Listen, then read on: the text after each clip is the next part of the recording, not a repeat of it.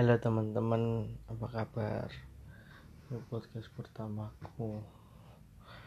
Ya, aku adalah Rusti. Aku adalah calon bupati di salah satu tempat yang gak bisa aku sebutkan namanya. Di sini saya mau ngasih broker, tapi ini sudah cuma fiktif ya teman-teman, tidak asli.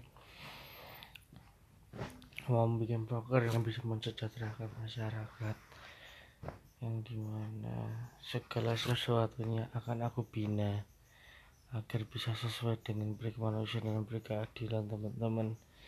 Jadi untuk segala sesuatu hal yang berkenaan itu akan kita atur bersama.